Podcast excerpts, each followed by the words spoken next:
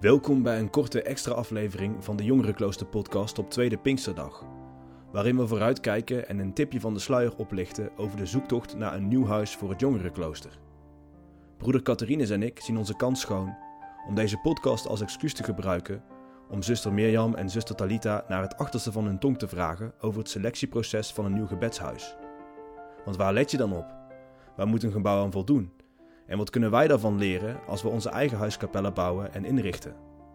Dit is de staart van het gesprek van vrijdag over de toegevoegde waarde van een vaste plek om te bidden.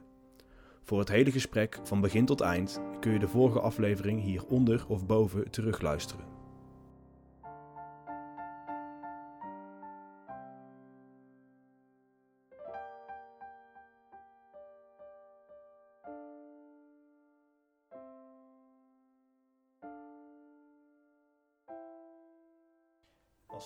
Even vooruitkijken, mag dat nog? Ja, voor mij mag jij altijd vooruitkijken. Nou ja, ehm, de, de abt van ehm, het klooster van Nieuw-Sion, die is verhuisd waar je een documentaire had gezien, waar je net Ja. aan refereerde, naar Schiermonnikoog. En die gaf als advies, als wij op zoek zijn naar een, een nieuwe ruimte, eh, zoek vooral geen gebouw uit op de romantiek. Yes. En dat zegt iemand die komt uit het meest romantische gebouw waar ik ooit in heb gewoond. Ja, Abdij Sion, het sprookjeskasteel. Ja. Eh, zegt zelf nog, zoek een anti-romantisch gebouw als het even kan. Ehm, ja. ja, want ja, wie heeft er nou een klooster in zijn achter, achtertuin staan? Ja, die dingen zijn eh, niet voor het oprapen en ook niet altijd even praktisch. Want misschien is het wel, eh, wel leuk, eh, ook voor mij en Catharines even, om, eh, om nu jullie even, even het achterste, naar het achterste van je tong te vragen. Maar ehm, eh, jullie twee dames zijn eh, betrokken bij de zoektocht naar het nieuwe huis van een jongerenklooster. Eh, waar dus ook ehm, een nieuwe kapel bij gaat horen. En ik ben Ja. even benieuwd, waar let je dan op als je op zoek bent naar een nieuw gebedshuis? Ja, nou eh, Zijn we inderdaad. zelf ook nog in aan het zoeken? Nou, daar zijn wij. Nou ja, dat is dus ook inderdaad. Dit is natuurlijk weer heel iets anders dan ehm, eh, je eigen huiskapel inrichten. Je gaat toch met andere ogen kijken. Maar er zit ook wel Hmm. enige overlap in hoor. Hmm. Ehm, en inderdaad, eh Abt Albrecht van, eh, van de monniken van Schiermonnikoog heeft echt wel gelijk. ehm, als die zegt, ja, dat romantische van een gebouw. Ja, ten eerste vind je dus niet zomaar een tweede zo romantisch mooi sprookjesgebouw. Ehm, maar het heeft ook wel eh, te maken met dat je. ehm, ehm, en dat, dat zie je ook wel een beetje in die documentaire eh, van, van die monniken. Die dus gaan verhuizen. De romantiek van een gebouw kan juist ook afleiden van waar het om gaat. Namelijk het gebed, het eh, bij God zijn. En de romantiek van een gebouw kan ook juist tegen je gaan werken. En ehm, ik denk dat dat een worsteling is van heel veel eh, mensen die in een kloostergebouw wonen en denken, ja, potverdorie. We moeten dat gebouw overeind houden, maar het kost klauwen met geld. De verwarming eh, is al eh, jaren stuk, maar ja, we moeten het toch een beetje warm houden. Hoe doen we dat dan? Het kan ook een blok aan je been zijn, hè? Om, een, om, een, om een romantisch gebouw, vaak oud, in stand te houden. Ehm, en dat zie je toch ook wel een beetje bij de monniken van Schiermonnikoog, eh die dus echt geworsteld hebben met dat gebouw Sion, wat voor ja, die laatste vijf monniken echt veel te groot was en veel te duur. Op het moment dat ze gaan verhuizen naar Schiermonnikoog en ze gaan dus in een bungalowtje wonen, wat totaal niet romantisch is, eh, een soort Landel Green Parks gevoel krijg je ervan. Nou ja, ik, ik word daar niet heel romantisch van. Eh, maar je ziet dat er een soort last ook van ze afvalt. En dat ze dus weer teruggaan naar, hé, hey, maar waarvoor zijn wij eigenlijk monnik? Is dat om een romantisch gebouw te onderhouden wat klauwen met geld kost, omdat het nou eenmaal erfgoed is? Of zijn we geroepen tot gebed? En ze komen dus tot die laatste conclusie. En dat zie je ook heel mooi in die documentaire. Ehm, dus in die zin denk ik dat wij ook een gebouw moeten uitzoeken op... ehm, kun je hier bidden met de gemeenschap? En dat dat de allerbelangrijkste vraag is. Ehm, Ja, ik vind het ook wel een, weer een interessante nieuwe ontdekkingstocht van ja, wanneer is iets een kapel Ja. of wanneer is iets een klooster. moet er een toren Eh, op staan? Nee. Ja, Ja. eh, op zich eh, kan je denk ik bijna overal een kapel eh, op inrichten. En ook zeker geïnspireerd door de stadskloosters eh, Ja. ja. hoeft dat helemaal niet inderdaad. Wat je zegt, een heel eh, bijzonder mooi of, of oud of eh, karakteristiek gebouw te Het zijn. kan zelfs een bijzonder lelijk gebouw zijn, hebben wij inmiddels ervaren. Maar ik denk, eh we zijn dus bij één bijzonder lelijk gebouw wezen kijken. Ehm, Nou Een- komt een het, van, nou een van komt de het. kanshebbers, lieve luisteraars. Een van de kanshebbers van het het is nieuwe een bijzonder lelijk gebouw met her en der wat systeemplafonnetjes en TL-balken en alles waar ik een hekel aan heb.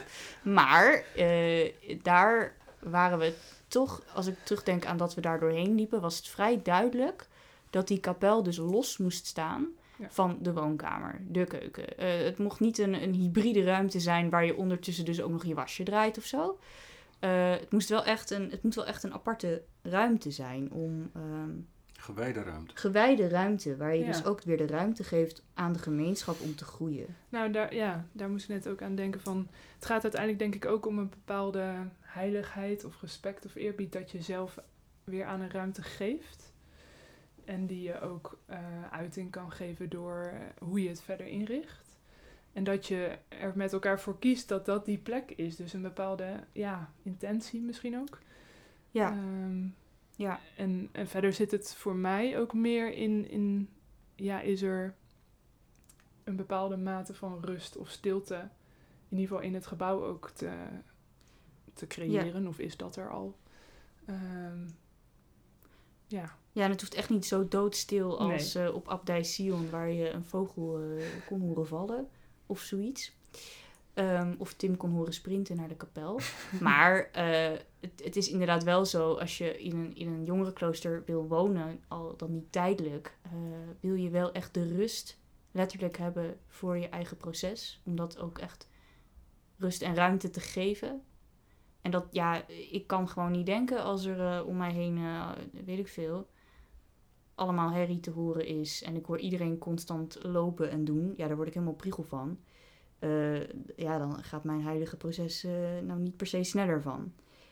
Dus een bepaalde... Maar dat heeft denk ik ook weer te maken met een bepaalde... het, het, het afzonderen ook van jezelf. Dat is waar kloosters toch ook een beetje voor zijn. Hè? Voor die afzondering. Ehm, die je dus ook nodig hebt in een kapel. Heb je op een bepaalde manier ook nodig voor jezelf. Voor je eigen eh, processen in een Hm. klooster. Om ehm, ja, toch ook, ook eh, een, een plek apart te zetten voor je eigen groei. En je eigen worsteling misschien met, met, met anderen of met God. Ehm, dus op die manier heb je dus niet alleen een, een, een aparte kapel nodig die gewijd is, eh, een heilige ruimte, maar ook een bepaalde heilige ruimte voor jezelf in een gebouw. En ja, dat, dat, is, dat vind ik denk ik, als we het hebben over het zoeken naar een nieuw jongerenklooster, nog de grootste worsteling. Ehm, van wanneer, wanneer bereik je dat dan? Wanneer kan je dat goed genoeg waarborgen? ja, je kan natuurlijk heel feitelijk kijken naar eh, hoeveel mensen zouden er hier in deze ruimte in de kapel passen bijvoorbeeld. Ja. Is dat voldoende om eh, aan de bewoners eh, de ruimte te geven om, om mee te kunnen bidden? Ja. En hetzelfde geldt voor, zijn er letterlijk genoeg kamers? En Ja. is er een woonkamer en een keuken? Maar ja, wat je zegt, het gaat wel ergens ook nog verder dan dat in... ehm, ja, toch is er een soort...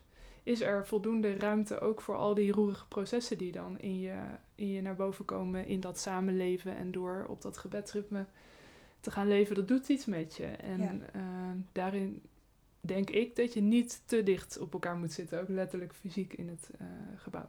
Ja. ja, en het moet wel een gebouw zijn wat niet, eh, nou ja, waar niet te veel onrust aan, aan kleeft of zo. Hè? Je kan in een heel gezellig gebouw zitten. Maar ik had het zelfs al wel toen we nog op Sion woonden. eh, waar je natuurlijk ook af en toe, en dan kwam er weer een, een groep langs eh, die dan zijn eigen programma had.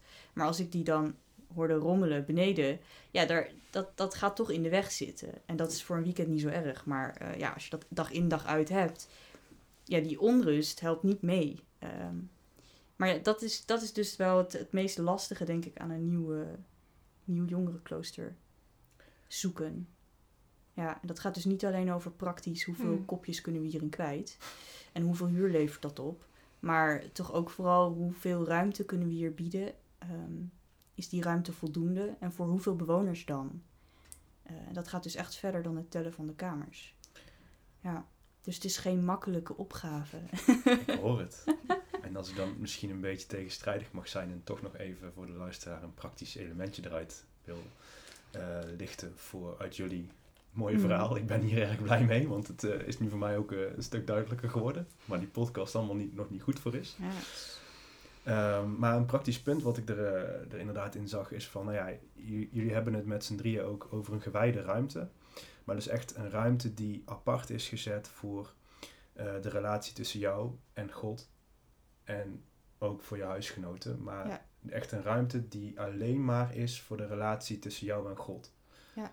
Ehm, en ik wil het niet heel erg voor mij persoonlijk maken, maar dus als ik over de drempel zou stappen, dan weet ik al van oké, hier bid ik alleen, dus alleen voor, voor een relatie tussen mij en God, zeg maar. Ja. ja, en dat geldt dus voor de kapel, maar ook voor je woonruimte. Ja. En ik denk, het jongerenklooster, eh je gaat daar niet zomaar wonen omdat je student bent en je denkt, oh chill, goedkope woonruimte of zo. Dat is niet waarom je in het jongerenklooster gaat wonen. Je gaat in het jongerenklooster wonen omdat je die tijd en die ruimte apart wil zetten. Dus kijk, Ja. zitten we toch weer op tijd en ruimte. Daar hebben we het eerder natuurlijk ook al even over gehad. Van, dat, dat is zo essentieel. Eh, Ja. Dat zijn de twee basiselementen, voor mij althans, eh, een klooster zou moeten bieden. Ja. En ook zou moeten blijven bieden. En, maar ja, Ja. het zijn wel moeilijke begrippen. Voor mij was het, eh, het wonen in het jongerenklooster ook een manier om even, nou ja, letterlijk van alles afstand te nemen. En Ja. eigenlijk even los van dingen te komen. En daardoor ook, nou ja, bij andere vragen uit te komen. En opnieuw na te denken over, ja, wat wil ik met mijn leven en hoe wil ik leven. En ik denk niet dat dat per se nodig is om ook letterlijk zo afgezonderd te zitten als we zaten op Hmm. Sion. Ja. Maar eh, ja, dat je daar dus wel ook een stukje van die ruimte en de afzondering toch in ieder geval binnen in het huis wel nodig hebt om, om dat te kunnen. Ja, Dus eh, een plek, als je zelf nu denkt van oké, ik ga een kapel maken, Mhm. dan is het belangrijk dat je een plek apart zet waar je alleen maar eh, werkt, waar, die alleen maar is voor de relatie tussen jou en God. En dat moet een plek zijn die tijd en ruimte heeft, zeg maar. ja en wat dan precies tijd en ruimte is. Ik bedoel, dat, de- ik kan niet zeggen, nou, tijd eh, neem een maand en ruimte neem zes vierkante meter of zo. Dat, dit, dat is niet hoe het werkt. Dan was het Nee, heel makkelijk. Dan konden wij gewoon eh, eh. met een meet. met een ja, voor mij, eh, werd, ik, ik had drie maanden aan tijd gereserveerd. eh, ehm, eh, en dat werden eh, twee plus jaar. Dus ja, dat, dat, ehm, dat laat we zich horen niet... het jou allemaal zeggen. Eh, ja, sorry. ja, nee, maar inderdaad. Dus, ehm, ja, en die ruimte is dus... Kijk, voor, als ik kijk naar... De, de abtskapel was, was een ruimte. En de kerk was een ruimte. Maar die twee zijn qua omvang eh, heel anders. Dus, maar dat verschilt dus heel erg per, per persoon eh, praktisch. Van wat heb je eigenlijk aan tijd en ruimte. Maar dus ook eh, welke tijd en ruimte is voor jou... ehm, ja, is daarin voor jou iets wat werkt. Dan ga je het toch weer hebben over iets wat, wat voor jou werkt. En voor de een zal het drie maanden zijn en voor de ander twee jaar. Maar ja, dat, dat, dat En de is een kan toe met een eh, kleine slaapkamer, omdat hij toch vaak in de eetkamer zal zitten of in Ja. de, aan de spelletjestafel. En de ander heeft echt een grote eigen kamer nodig, Ja. omdat die heilige ruimte voor zichzelf eh, eh, gewoon een voorwaarde is. Ja, en dat, dat is dus eh, nee, best wel moeilijk eh, gegeven. Dat het dus voor iedereen anders is. Op het moment dat je gaat zoeken naar een nieuw gebouw. eh, en je bent maar met je eigen persoontje. En, maar je moet ondertussen wel denken voor de, de nieuwe bewoners die er gaan wonen. Ja, zie daar maar eens een, eh, iets voor te fixen. Ja, Gelukkig zoek je met een paar persoontjes. Gelukkig zoek je met een paar persoontjes. Ik ben heel blij dat ik het in elk geval niet alleen eh, hoef uit te zoeken. Ehm, ja, dus inderdaad, het, het moet een soort van een gouden midden worden, denk ik. Maar ook praktisch, wat hebben we eigenlijk beschikbaar? Ehm, want ja, en we hebben geen 10 miljoen, helaas. Eh, mocht iemand nog 10 miljoen Als je daar je verandering in wil, wil brengen Laat en je hebt weten. toevallig 10 miljoen op je bankrekening staan. zouden we er natuurlijk wel heel erg blij mee zijn. Eh, mocht jij nou dus inderdaad... eh, En als ik, als ik even zo vrij mag zijn, eh, eh, zelfs eh, eh, een iets lager bedrag meenemen. Nee, voordat, voordat 5 nou... miljoen is ook goed.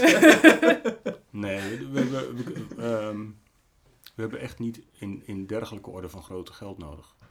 Maar, eh, maar inderdaad, eh, ja, een paar ton eh, eh, wil je een, een, een huis kopen met een overzichtelijke eh, hypotheek. Ja. Dat is het. En ehm, En dat, dat klinkt dan heel, ehm, heel plat. Zo van we hebben geld nodig. Maar dat, eh, maar dat geld, eh, daar koop je rust mee. Dus je koopt er een gebouw mee wat niet om je nek hangt. Wat je niet in stand hoeft te houden. Waar je niet zenuwachtig van wordt. Ja. Dus je koopt rust op de plek waar je bent. En daar gaat het klooster over. Nou, en eh, wij hadden het er ook al over in het, zoeken. Eh, ja, het zou toch wel heel fijn zijn als we nu ook echt een eigen huis eh, zouden, wat we niet hoeven delen. Yes. Dat, dat Ja. zou zeker bijdragen aan de rust. Ja. ja. Ja, want ja, het, klooster gaat toch ook over radicaal eh, wegdoen eh, wat, je niet, wat je niet nodig hebt. Eh, ja, en dat, dat werkt gewoon wel beter als je nou ja, niet ook nog rekening hoeft te houden met, een, hele, met een hele andere organisatie in je gebouw of zo. Ehm, ja, want ook dat, dat kan afleiden van het uiteindelijke proces. En dat kan dus je tijd en je ruimte opsnoepen. En dat kan met de beste bedoelingen zijn, maar ehm, het kan je wel in de weg gaan zitten. Ja, Ja. Eh, ik denk dat we langzaam mogen gaan afsluiten. ja en ik denk dat het dus eh, inderdaad heel erg gaat over eh, wederom ruimte en tijd apart zetten. En dat het dus gaat over een manier zoeken die bij jou past. Maar dat je dat dus ook vooral niet alleen moet doen. En dat je dus op Hm. zoek moet gaan naar een gemeenschap om dat samen mee te doen. En als het jongerenklooster daarin iets voor je kan betekenen, ja, neem dan, Welkom. eh, vooral, neem dan vooral contact met ons op. Ja. Welkom at jongerenklooster.nl Heel met makkelijk. ideeën. Welkom at jongerenklooster.nl. Ja. Nou, eh Talita, heel erg bedankt dat je hier vandaag met ons wilde zijn. Ja. En jouw ervaringen ook eh, wilde delen. Graag gedaan. Ja, en ehm, ja, we hopen natuurlijk dat je de volgende keer weer luistert. We zullen ook nog eh, in komende afleveringen verder gaan op dat getijdengebed inhoudelijk, hoe dat er dan eh, precies uit kan zien.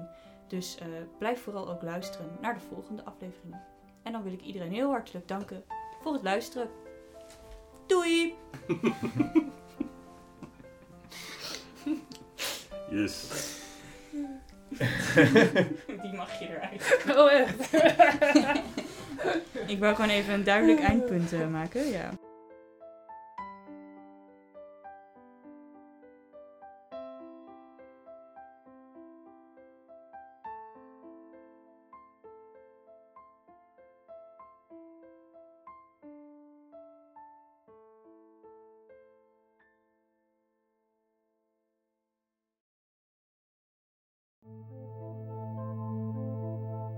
Dank voor het luisteren naar de Jongerenklooster podcast. Met muziek en composities van broeder Hein. Volgende week vervolgen we onze serie over de motor van ieder kloosterleven, het getijdengebed. Deze keer gaan we kijken naar de liturgie van een getijdengebed met een bijzondere gast, Christian Winter. Christian is een goede vriend van het Jongerenklooster en was de kantor en samensteller van de getijdengebeden van de kloosterfestivals. Tevens is hij in de ogen van onze podcastproducent een indrukwekkend muzikus. We gaan het hebben over de toegevoegde waarde van een vaste liturgie. Waarom moet altijd alles dichtgetimmerd worden en volgens een beklemmend stramien? We zien jullie graag volgende week.